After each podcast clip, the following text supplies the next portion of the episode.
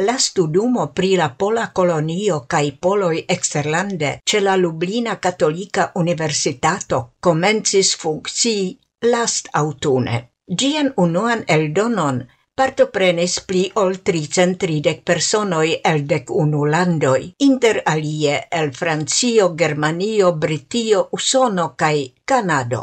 Nun la rectoro de CUL nomumis la autoritatoin de la Polcolonia Academio, kies tasko estos cun ordigado cae evoluigado de universitato proiectoi favore alla Pola Colonio. La cefa tasco estos cun laboro cun polcoloniai medioi, cun amas comuniciloi polcoloniai organizajoi. La unua directoro de la Academio, professor Bien, attentigis inter alie che depende de la lando cae continento la polcoloniai socioi revivigas, reactivigas, sed ili besonas constantan subtenon de Pollando sur la educa scienza cae cultura platformoi. Cursoi gvidatai de cul expertoi estas senpagai cae ocasas en maniero hybrida. Cadre de la curso